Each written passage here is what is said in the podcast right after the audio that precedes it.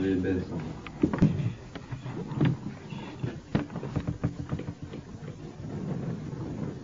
Kjære du, Herre, vår Gud og vår Far.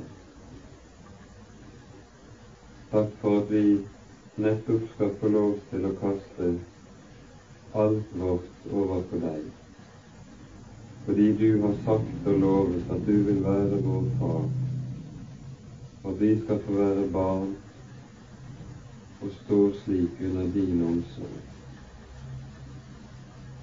Takk du gode Gud og Far at du sendte Jesus for at han skulle bære hele tyngden av våre liv og av vår synd. At du har gjort det slik at din egen sønn står inne for vår frelse med sitt liv og med sitt blod. Nå ber vi deg, Herre, at vi også kan få lov til å legge denne samlingen i din hånd.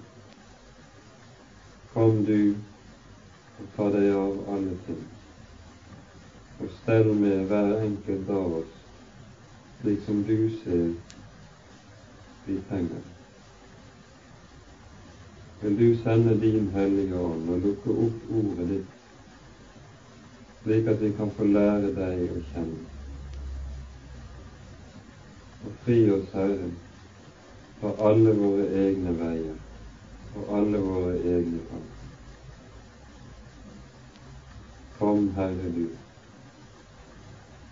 og dersom du ikke bygger huset, arbeider vi forgjeves. Amen.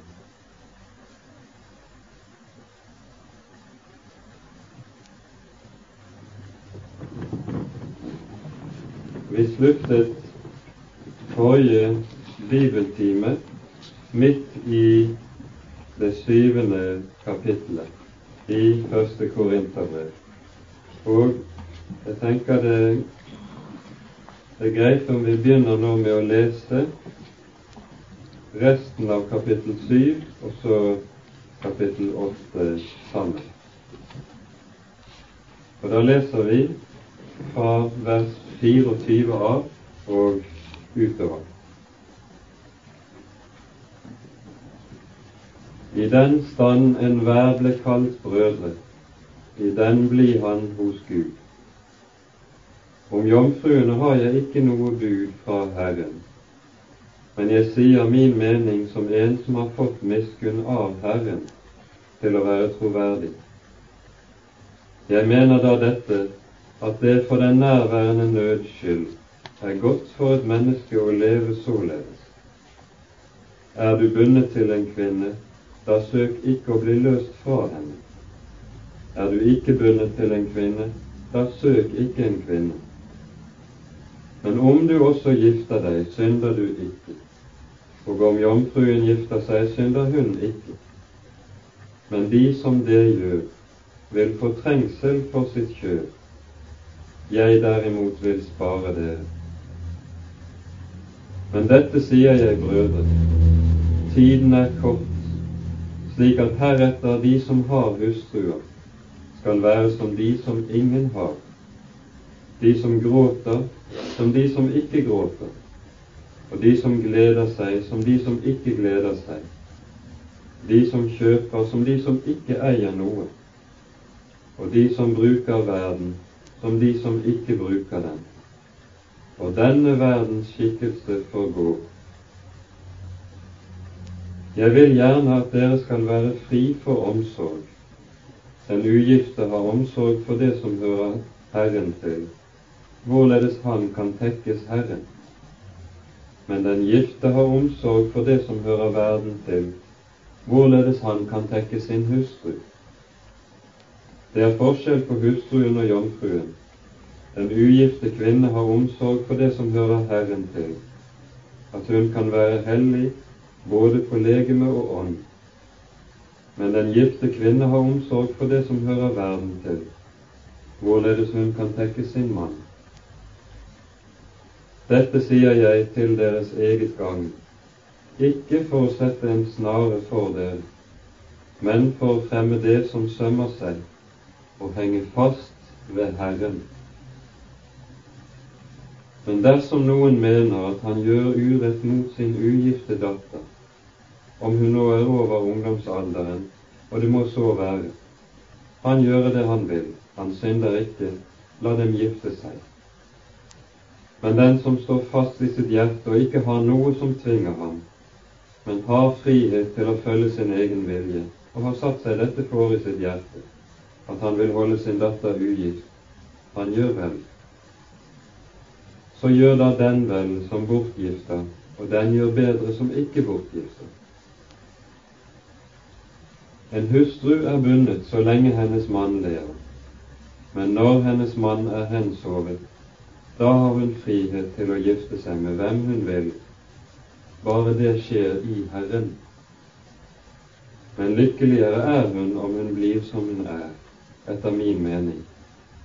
Men jeg tror også å ha Guds ånd.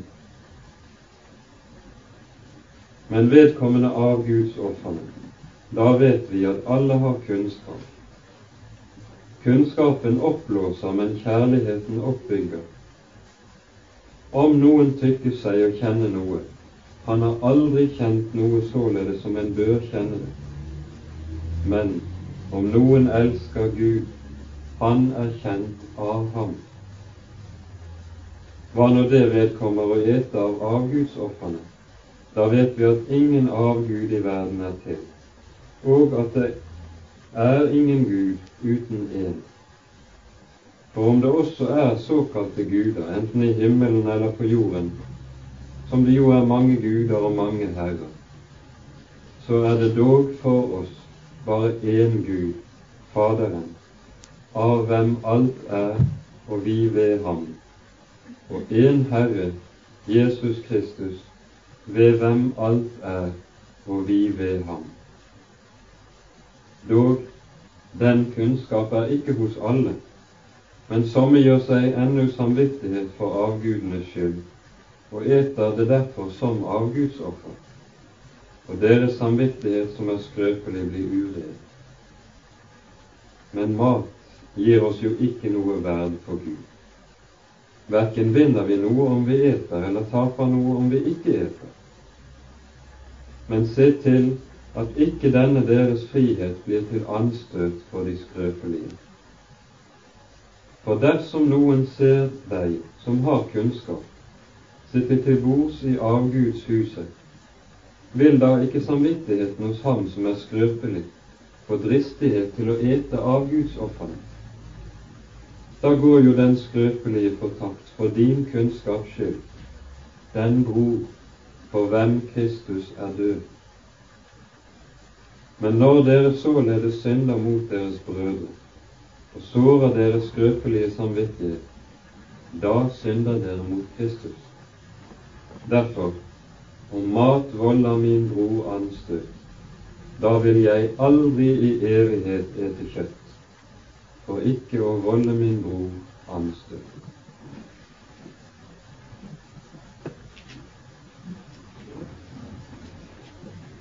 Dette som vi nå har lest, det er altså delt i to markerte avsnitt, slik som vi skjønner.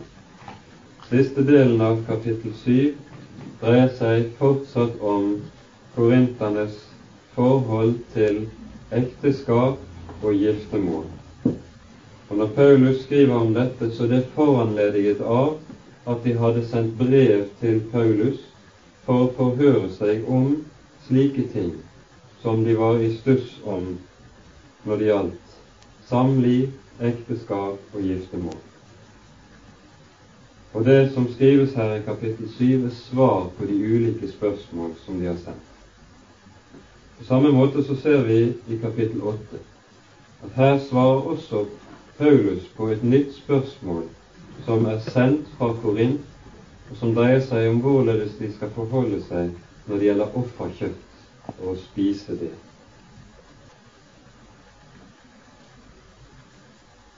Det som er sammenhengen her, det er den livssituasjonen, og dette var vi inne på forrige gang, som er helt karakteristisk for en kristen menighet i en hedensk omverden. Hedenskapet vil alltid angripe de kristne på to punkter særlig, som kan sammenfattes i forhold til det første bud og i forhold til det sjette bud.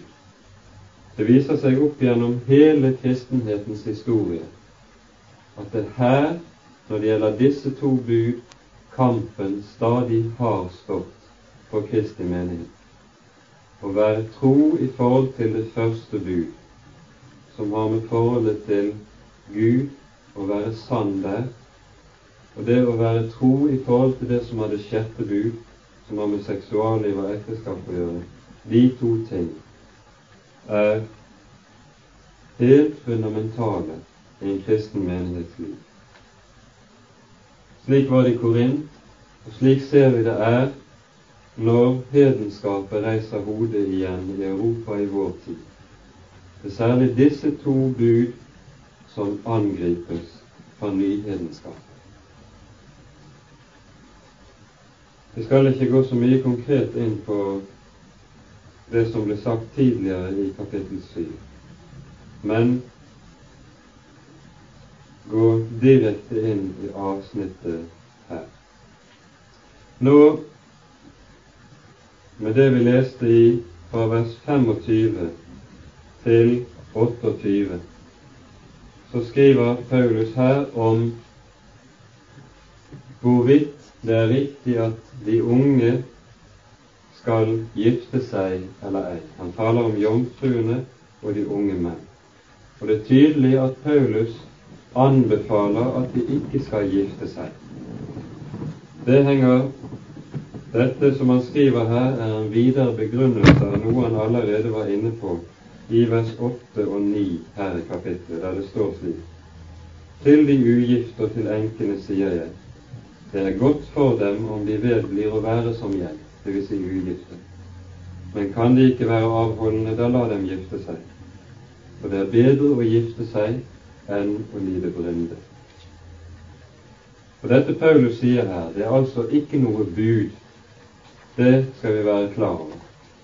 Det er meget viktig å være klar over, og det ser vi her i dette syvende kapittel, at Paulus er meget, meget nøye skille, i det å skille mellom det som er et bud fra Herren, og det som han bare gir som et råd eller som noe som er hans egen mening. De to tingene skal ikke sammenblandes. Når det gjelder det, og det som er bud fra Herren selv, altså ord som kommer fra Jesu munn, og som han som apostel formidler videre, så gis det intet slingringsmonn. De står uavkortet og gjelder uavkortet for alle kristne menigheter. Og Paulus, når han dette gjør han gjentatte ganger ut gjennom Korinterbrevet, der peker han på i ulike sammenhenger dette sier ikke jeg, dette er Herrens bud. Og Derfor gjelder det også for alle menighetene. Men så gjør han også sånn som han gjør her. Han kan gi råd. Og da sier han 'Jeg sier min mening'. Og så kunne vi spørre hva er grunnlaget for, hva er årsaken til at Paulus fraråder de unge å gifte seg i denne sammenheng? Det kommer ikke, det skal vi være klar over, at han ser på ekteskapet som noe mindreverdig, og at sølibatet skulle være noe som var spesielt høyverdig. Tvert om, Paulus er meget nøye på og meget klar over det at ekteskapet det er både en Guds ordning og en Guds gode gave til menneskene. Når vi ser nøyere på disse versene, så vi ser hva som er årsaken til det. I slutten av vers 26 så står det slik For den nærværende nøds skyld er det godt for et menneske å leve således. Og i vers 28 i slutten der står det slik de som det gjør, altså gifter seg, vil få trengsel for sitt kjød. Jeg derimot vil spare det. Det ordet som brukes i vers 26 for nød, det brukes flere steder i evangeliene om endetidens trengsler og nød. Vi kan bare se i Lukasevangeliets 21. kapittel, f.eks. i vers 23, der Jesus sier dette. Ved de fruktsommelige og de som gir die i de dager. For stor nød skal det være på jorden, og vrede over dette folk. Her brukes nøyaktig det samme ordet. Det Paulus altså sikter til, det er den trengsel som de kristne sto oppe i i denne tid, nemlig den hårde forfølgelsen som de led under i romertiden. Og Det skjønner vi av oss selv, at for en som var alene, ville forfølgelsen ofte kunne være langt lettere å bære, mens den som hadde familie, han ville stadig leve i angst og bekymring og sorg for de han hadde ansvar for, de han var knyttet til og glad i. For den nærværende nødskyld er det godt for et menneske å leve således. Det er forfølgelsestiden som spøker i bakgrunnen. Det er ikke det at ekteskapet skulle være noe mindreverdig for det er det aldeles ikke i Guds øyne. Det har vi vært inne på tidligere. Vi kan også tenke på hvorledes profeten Jeremias i det 16. kapittel i hans bok får uttrykkelig forbud fra Gud om å gifte seg. Nettopp fordi Jerusalem sto overfor, og Israel sto overfor, en så forferdelig trengselstid idet de skulle rammes av Guds dom ved Babylonen Derfor gir Gud profeten Jeremias dette forbud. Og Vi kan også tenke på da Israel var i Egypt, hvorledes egypterne plaget Israel. I en periode tok de alle guttebarn som fødtes, husker dere, og drepte dem. Og vi kan tenke oss hvilken sorg og hvilken nød dette har skapt inn i de ulike hjem og familier. For den nærværende nøds kan det være godt for et menneske å leve således og la være å gifte seg. Og det var ikke spøk den gang, det vet vi. De kristne hadde sannelig slik at de måtte betale for sin tro.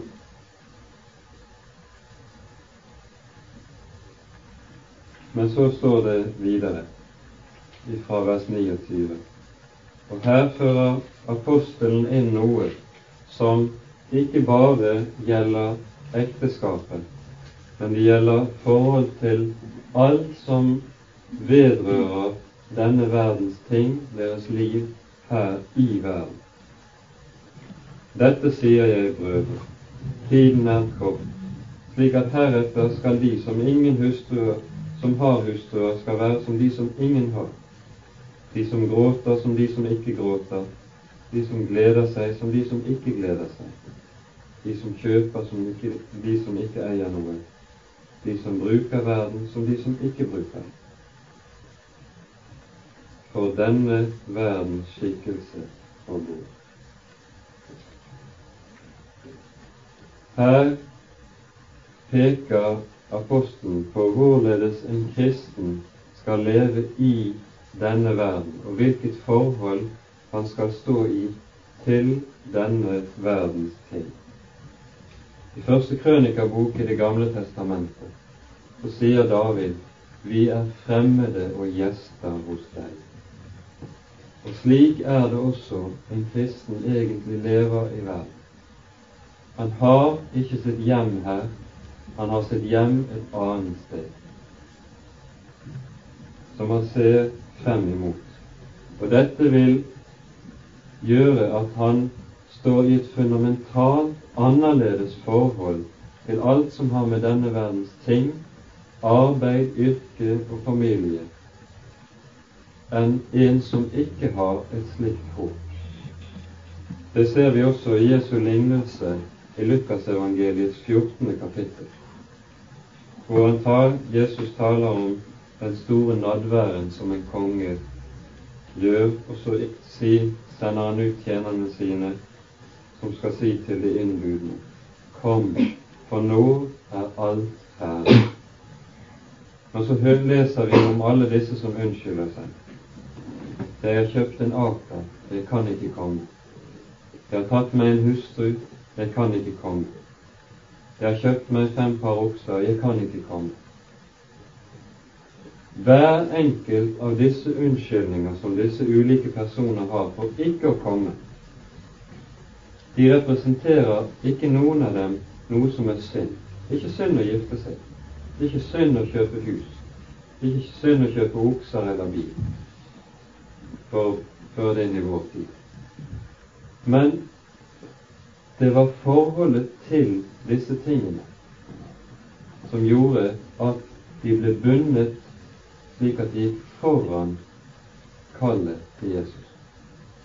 Disse som vi leser om i denne lignelsen, vil altså bli stående i et helt annet forhold til denne verdens ting enn en kristen kan bli stående. Han vil være løst fra alt sammen. Ikke slik at han flykter fra verden, for det skal ingen kristen gjøre. Slik har av og til vært kristentroen vært anklaget for å gjøre. Religion er opium for folket, sa Marx. Og for han innebar det nettopp at kristentroen var noe som man brukte for å søvndysse de lidende her i verden, slik at de fikk et håp et annet sted, og så var det ikke så farlig med deres forhold i denne verden. Det er ikke en slik verdensflukt den kristne tro gir. Men det som er karakteristisk for den kristnes forhold her, det er at han kan bare ha et rett forhold til denne verden dersom han er forankret i den annen verden, altså i himmelen. Dette taler Jesus om i bergprekenen også, for han sier:" Samle dere ikke skatter på jorden, hvor møll og rust hærer og tyver bryter inn og stjeler, men samle dere skatter i himmelen, hvor møll og rust ikke kan tære og ingen tyv kan bryte inn og stjele.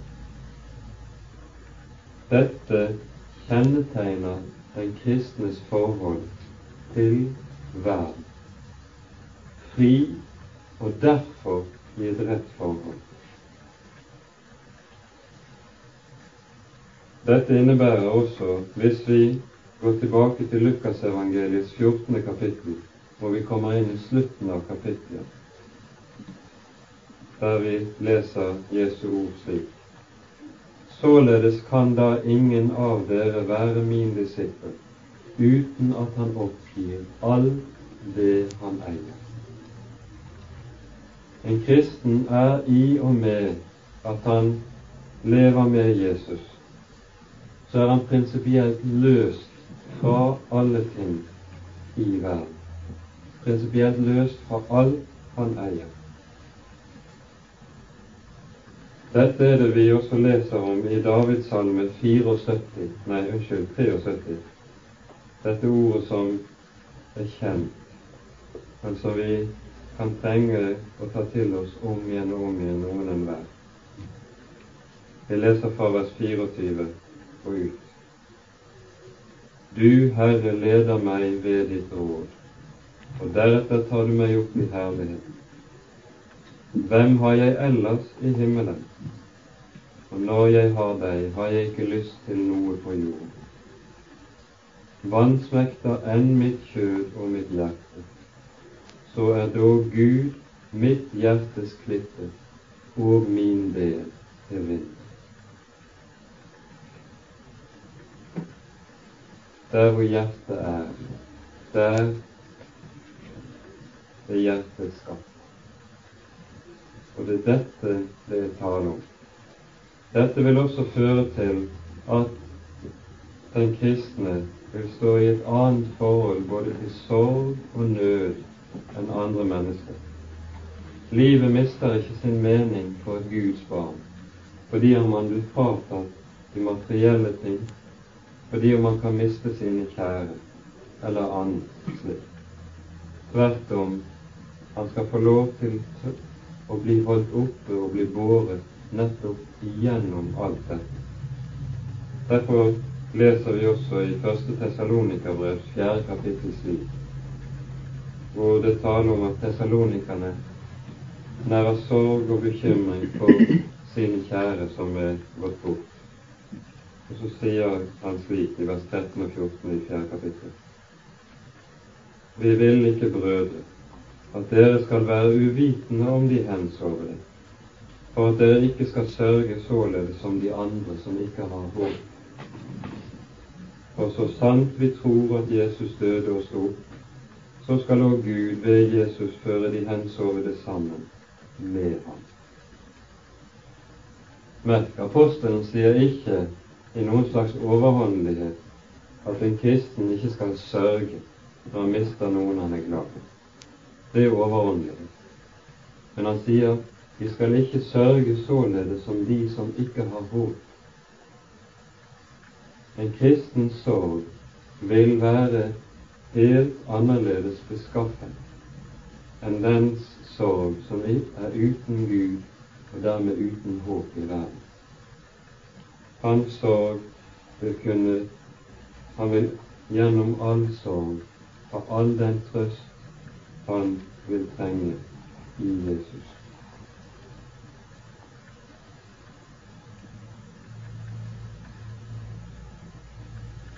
De som bruker verden, skal være som de som ikke bruker den. For denne verdens skikkelse forgår, sier apostelen. Og det er den neste begrunnelse. Den verden vi som kristne lever i i dag, den kalles i Bibelen for den gamle verden.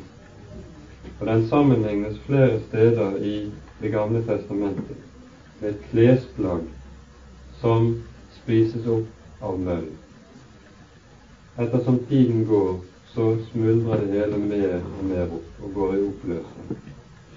Og slik er denne verden og denne verdens skjebne. Den kommer til etter hvert å smuldre opp.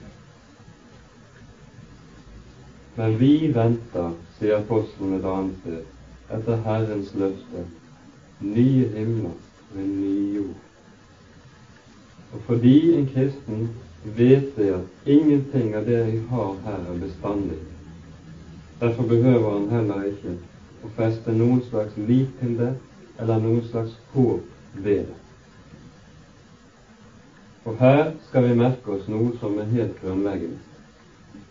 Det som er naturlig for oss mennesker, det er jo nettopp det at vi gjerne vil være trygge. Trygghet er noe som er vesentlig for oss.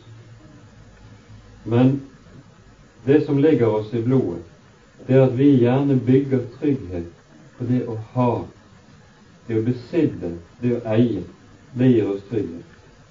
Å ha penger, ha velstand, ha ytre livsvilkår som gjør at jeg sitter trygt, det gjør at jeg føler meg trygg. Og slik taler ikke Bibelen. I Bibelen er trygghet nettopp ikke bundet til å ha eller å eie noe som du kan tviholde ved. Og ved at du klarer å holde fast på det, så klarer du å bevare din trygghet. I Bibelen er all trygghet bygget på en annen grunn, det som vi sang til å begynne med og som vi leser i Davids salme 37. Sett din vei i Herrens hånd, og stol på Ham. Han skal gjøre det. Det er ikke det at jeg har noe i min hånd som gir trygghet, men at jeg får lov til å være i Hans hånd. Det er den kristne trygghet i alle ting i denne verden. Og slik taler også Det gamle testamentet, nettopp når det er tale om vår fremtid. Når vi leser i Jeremias 29. kapittel, hvor Herren lover sitt folk jeg vil gi dere fremtid og håp. Hvem er det han lover dette? Hvem er det som får slike store tilsigelser av Herren? Nettopp de som ingenting har. De som trodde om seg sjøl at de sto under Guds dom og var fratatt alt. Disse er det som får løftet fra Herren. Jeg jeg vil gi dere fremtid og håp. Og just fordi fremtiden ikke er i våre hender, derfor er vi trygge. Det gjelder en kristens liv fremover. Han skal vite det, at om denne verdens skikkelse forgår, og om det skal skje under store trengsler og store omveltninger i verden, så behøver det for ham aldri å ha noen avgjørende betydning. For han både vet at så må skje, og at i alt dette skal jeg få lov til å stå i Hans hånd, like til enden.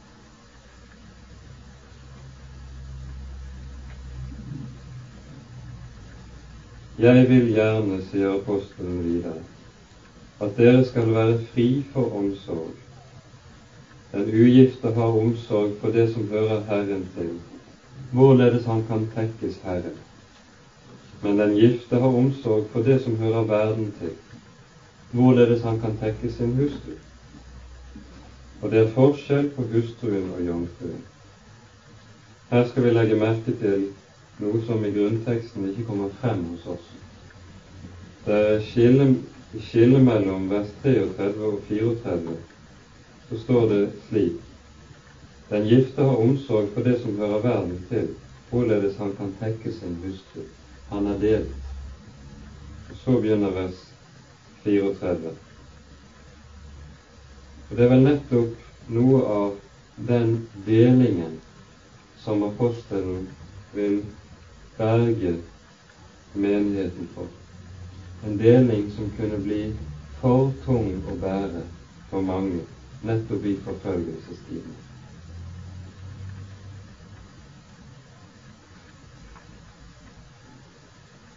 Men så sier han i vers 35.: Dette sier jeg til deres gang, ikke for å sette en snare for dere, men for å fremme det som sømmer seg, og henge fast ved Herren. Og Her kan vi se at han summerer opp dette korte avsnittet. I grunnteksten står det dette som vi leser oversatte slik ikke for å sette en snare for dere. Det betyr egentlig å legge et rep om halsen på en mann, og så haler han av gårde med tvang, slik at han nærmest blir kvalt. Det er ikke slik Paulus vil gi sin, sine råd og sine formaninger inn i denne sammenhengen.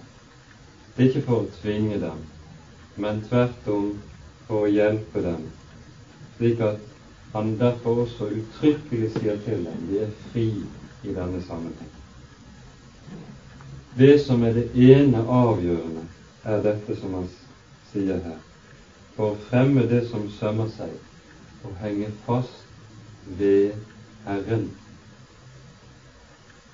Og det å henge fast ved Herren som står her, her brukes det et ord i gresken som er det samme, bare med motsatt fortegn, som vi møter i Lukasevangeliets tiende kapittel, i fortellingen om Martha og Marie. Der husker dere at det står at Martha hadde det meget travelt med å tjene Jesus, men Maria satte seg ved Jesus' føtter for for å høre på Hans ord. Dette som er oversatt slik Marie, Martha hadde det meget travelt med å tjene. Det betyr egentlig i grunnteksten hennes sinn ble dratt i mange retninger ved å tjene Jesus. Og det motsatte ordet er det som brukes her. Her vil apostelen, dette ved å henge fast med Herren, betyr å ha et sinn som ikke spriker i mange retninger fordi det er delt ved tu, på grunn av tusen hensyn, men å ha et sinn som er én, rettet i én retning, nemlig på Herren, og få lov å stå hos ham. Slik som Maria var det nemlig. Ett er nødvendig, sa Jesus til Martha. Ett eneste.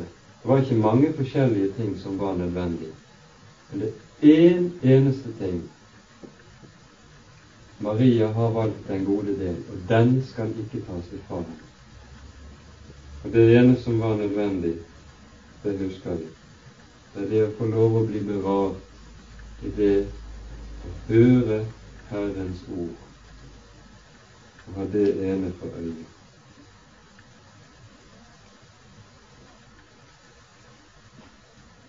I resten av kapittelet taler Paulus så om de som er fedre eller formyndere, om hvorvidt de skal la sine døtre gifte seg eller ikke. Og han følger den samme rettesnoren her. De gjør vel dersom de lar dem gifte seg, og enda bedre dersom de ikke gjør det. Han setter altså ikke ned noen fast lov som skal kvele noen. Og til slutt en kort formaning til enkene. De står i motsetning til kvinner som ikke har vært gift tidligere, ikke under formynder. De kan gifte seg med hvem de vil. Og Derfor får de en særskilt ord til seg. De skal nemlig gjøre det i Herren. Og dette gjelder vel den dag i dag om all ekteskapsinngåelse at det er noe som skal skje i Herren. Med det mener apostelen både det at den kristne skal være trygg for at dette som jeg nå går inn i, er ovenfra, det er Guds vilje. Og det ligger antageligvis også i det at en kristen skal gifte seg med en annen kristen. Man skal være varsom med å gifte seg med en vantro. Dette er Det nye testamentets råd inn i denne sammenheng.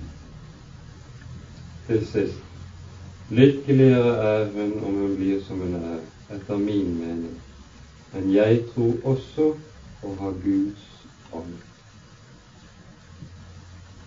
Og her kunne vi peke på hvorledes apostelens ord og råd ble aktet av menighetene i oldtiden. Det står slik i 2. Tessalonikerbrevs tredje kapittel.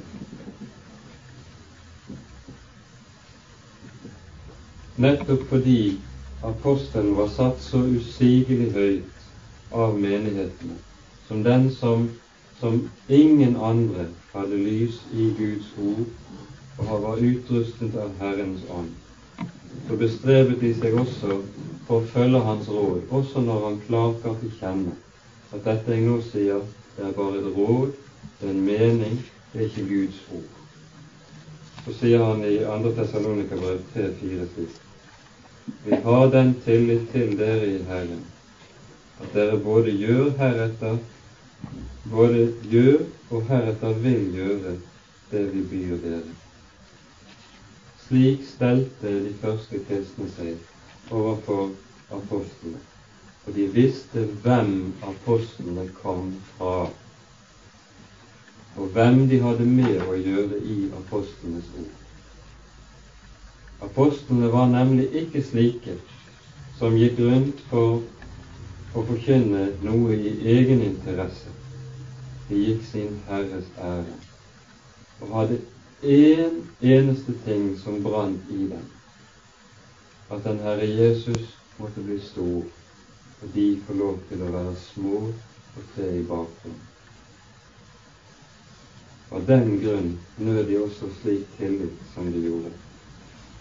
Men vi kan si til slutt, og dette står i 1. Tessalonikabrevs 4. kapittel, vers 8 Når det gjelder de ord som kom fra Herren selv, og som apostelen klart gir til kjenne er Guds ord til menighetene gjennom dem. Der står det slik Den altså som ringer akter dette, han ringer akter ikke et menneske, men Gud, som også gir sin hellige ånd i dere. Her ser vi altså hvor alvorlig Det nye testamentet ser på det å bryte med Guds ord, og stille seg fri i forhold til noe som er gitt av Herren. Å ringe ringeakte Guds ord, det er å ringe ringeakte Gud selv. Og Dermed så lærer apostelen oss noe som er en grunnsannhet i Bibelen. At en kristens forhold til Herren er identisk med hans forhold til Guds ord. De to ting er to sider av samme sak. Og det kan ikke skilles fra hverandre. Jeg kjenner Herren utelukkende i den grad jeg kjenner Hans ord. Er jeg likegyldig med Hans ord, så betyr det at jeg er likegyldig med Herren selv. Trenger jeg og er avhengig av å høre evangeliet og ord om Ham, så er det identisk med at jeg også trenger den Herre Jesus selv. For Jesus er i Ordet er Det nye testamentets undervisning. Det er ikke slik at ordene handler om Jesus, og så er Jesus en sak som er utenom ordene, som ordene bare omtaler. Nei, det å ta til seg ordet, det er ensbetydende med å ta til seg Jesus selv. Derfor legger Det nye testamentet så veldig vekt på, og er så nøye på dette som har med vårt forhold til ordet å gjøre. Dernest kommer vi inn i kapittel 8. Der gjelder det altså forhold til det som har med offerkjøtt å gjøre. Vedkommende avgudsofrene, da vet vi at vi alle har kunnskap. Kunnskapen oppblåser, men kjærligheten oppbygger. Men om noen tykker seg å kjenne noe, han har aldri kjent det således som en bør kjenne det. Men om noen elsker Gud, han er kjent av Gud. Først understreker apostelen det som er selve kjernen i forhold til det som har med avgudsoffer og det kjøttet som kom derfra å gjøre, nemlig det at alle kristne visste at avgudene var intet. De var intetheter. Avgudsbildene som det ble ofret til, var representerte ikke noe.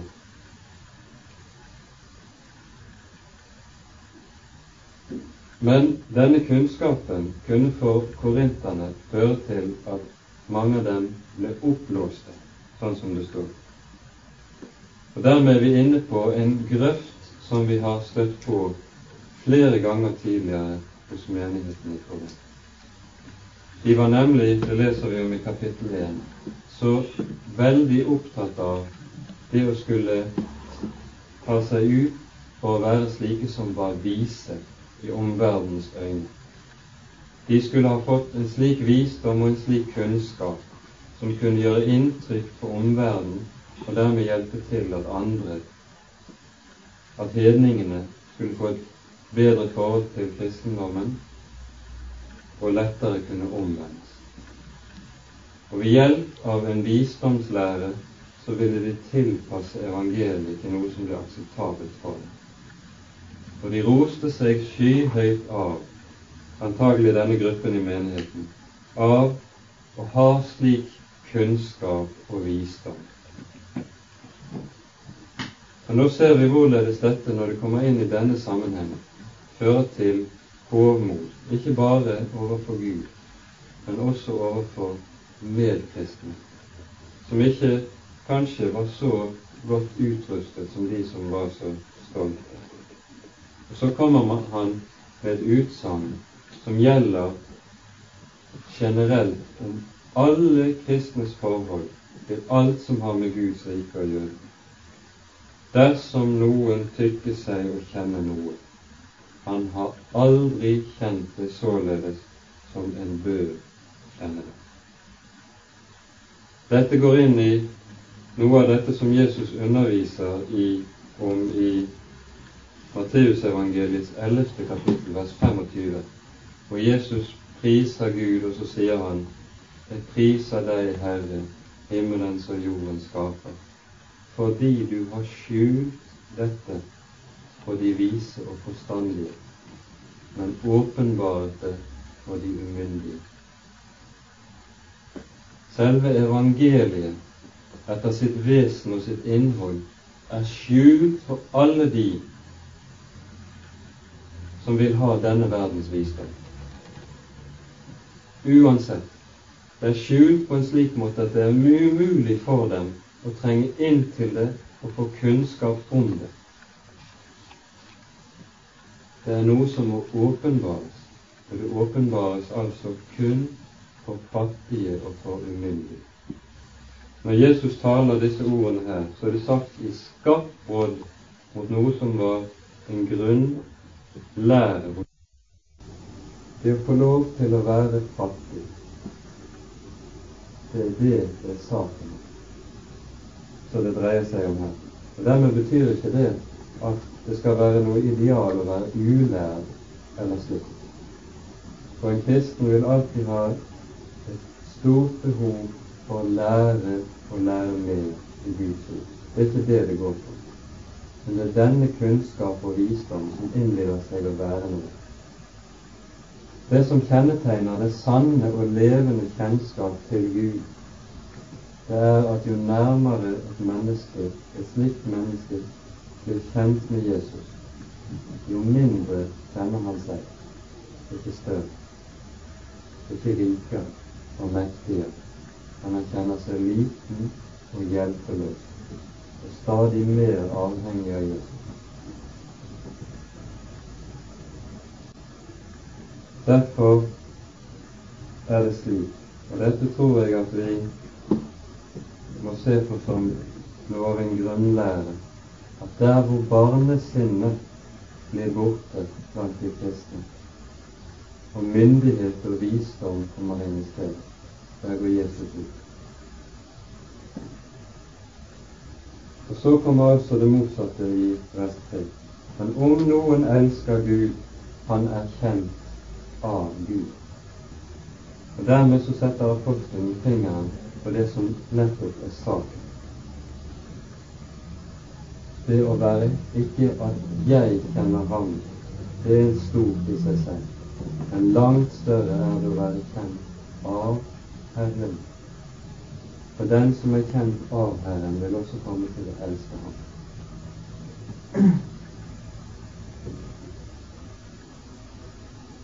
Og så begynner han på ny. Hva når det vedkommer å ete av avgudsofrene, vet vi at ingen avgud i verden er til. Dette vet alle kristne. For om det òg er såkalte guder, enten i himmelen eller på jorden, som det jo er mange guder og mange herrer, så er det for oss bare én Gud, Faderen, av hvem alt er, og vi til Ham. Én Herre Jesus Kristus, ved hvem alt er, og vi ved ham.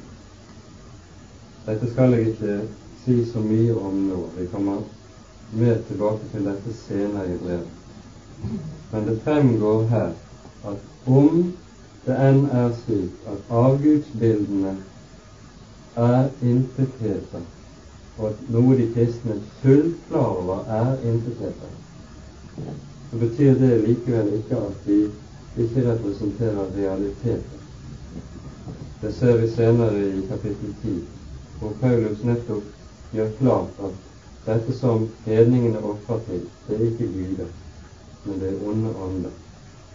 som står bakom og representerer en høyst reell virkning. Det skal vi komme mer tilbake til når vi kommer dit. Legg også merke til det som står i vers 6 om Jesus. Her sies det, og dette er et grunnsted i Det nye testamentets undervisning om Jesus person, at Jesus er den ved hvem himmel og jord ble skapt.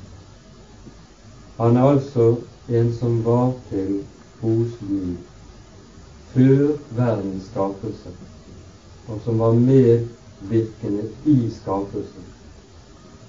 Han er skapelsesmidler, har man gjerne sagt i teologien fra gammelt av. Og når han kommer til jorden, født av jomfruen i Betlehem, så er det nettopp som Gud, den evige og allmektige, han fødes der. Og det er dette som er underet ved Jesu person, og som var så usigelig stort for de kristne. Og så fortsetter apostelen. Vi, får, vi rekker ikke å gå igjennom i detalj dette. Men det vi skal være klar over her, er saken. Det er at det var blant de kristne noen som hadde det som kalles for her en skrøpelig samvittighet. De var ikke slike som kunne rose seg av og ha så veldig stor kunnskap og kjennskap i den kristne tro. Og Derfor var det for dem å komme i nærheten av avgudsofferkjøtt, noe som var farlig. De kunne se en såkalt sterk kristen som hadde stor innsikt, ete avgudsofferkjøtt. Så tenkte han kanskje at nå kan jeg også gjøre det. Men så snart han hadde ett, så ble han slått i samvittigheten. Nå har jeg gjort noe som er galt. Og så melder anklagen seg i samvittigheten hans, og han vil miste frimodigheten, og dermed også stå i fare for å miste hele sin tro på Jesus. Det er dette som er problemet og vansken her.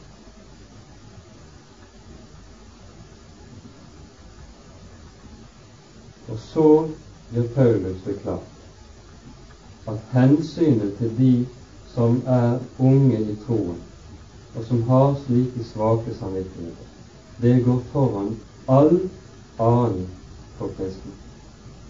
Vi skal ikke bare si det at vi har greie på den sak, og så kan det være det samme med disse andre som ikke har greie på så mye. Når Paulus sier at her gjelder ikke friheten, men kjærligheten, så det er altså ikke av vankelmodighet at han gir avkall på sin frihet, men det er av omtanke for at den svake ikke skal miste sin tro helt, fordi han vil lide skipbrudd i samvittigheten. At Paulus ikke var vankelmodig, det ser vi i høy grad ut ifra f.eks. Galaterbrevet, hvor han presses fra annet folk. Vi kan lese ganske kort fra kapittel 2 i Galaterne. Unnskyld. Vi leser vers 4 og vers 5.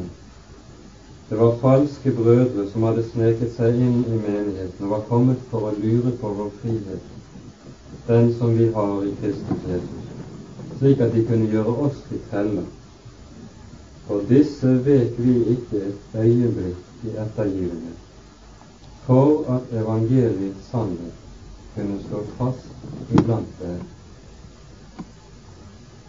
Overfor disse kunne apostelen være uhyre hard etter vår målestokk. Han kunne være en som overhodet ikke ville drikke seg en tomme. På samme måte som Jesus var uhyre hardhendt når han hadde med fariseerne å gjøre. Og Derav skjønner vi at det ikke er vankelmodighet eller hensynet til menneskemeninger som gjør at apostelen gjerne bøyer av, men han bøyer seg i svakhet for den svake. Og her har vi noe som er helt fundamentalt i, kristnes, i de kristnes forhold innbyrdes. Vel er det så at avgudsofferkjøttet som det taler om i denne sammenheng, ikke er farlig å ete for en kristen. Det var ofte slik at avgudsofferkjøttet ble budt frem på torgene. De behøvde ikke å gjøre seg samvittighet for å spise slikt. Det sier apostelen klart. Og en kristen kunne godt også innbys til gjestebud der det ble spist. Men, sier apostelen, for deres skyld som er svake i samvittigheten sånn, så skal vi bøye av for at vi ikke skal gå fortapt på grunn av at jeg, jeg vil være fri. Og her møter vi et annet ord som er viktig i denne sammenheng. Det tales om å volde anstøt. Derfor, sier han i vers 13, om mat volder min bror anstøt, da vil jeg aldri i evighet ete kjøtt, for ikke å volde min bror anstøt. Det er her, når de taler om i Det nye testamentet om anstøt, så det ikke tale om å støte noen, slik som det er i vår språkbruk. Det er jo det vi gjerne mener. At noen kan bli støtt eller fornærmet av at man oppfører seg litt utenom det som er skikk og bruk. Dermed så blir det jo noe som er rent bare en detalj av mindre betydning. Anstøt i Det nye testamentet, det betyr noe som volder at en bror faller og går på tapt. Om jeg altså skulle oppføre meg slik, leve slik, bruke min kristne frihet slik, at det førte en kristen lillebror ut i elendigheten. Da ser jeg Paulus, da gir jeg gladelig avkall på all min frihet. Og Her ser vi at Paulus anvender noe for sin egen del, som er en grunnlov i hele hans tjeneste. Det står i 9, 9. kapittel, vers 19 sier For om jeg enn er fri for alle, har jeg dog gjort meg selv til tjener for alle. Han har rett til å være fri. Han har rett til å gi av og leve på bestemte måter. Det er det kapittel 9 handler om her i Korinterbrevet. Fordi han er apostel. Han har store rettigheter som kristen, som apostel. Men han gir gladelig avkall på alt for at han ikke skal føle sin bror til ferd. Og Dermed så ser vi i kanskje aller klarest hvorledes Jesus sinn har vunnet skikkelse i apostelen.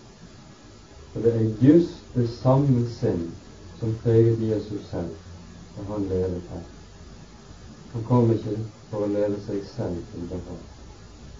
Menneskesønnen er ikke kommet for å la seg tjene, men for selv å tjene og gi sitt liv til løsepenger for mange. Og her trenger vi, tror jeg, å lære et og annet noen ganger. For det er lett å tale om kjærlighet, om kristen kjærlighet. Og vi gjør det gjerne, men vi vil ikke la oss binde. Men all tale om kjærlighet hvor jeg ikke er villig til å la meg binde til falsk. Fordi kjærligheten nettopp er kjennetegnet ved at jeg lar meg binde i frihet.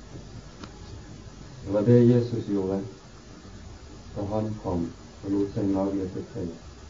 Og det er det apostelen gjør overfor de svake i troen.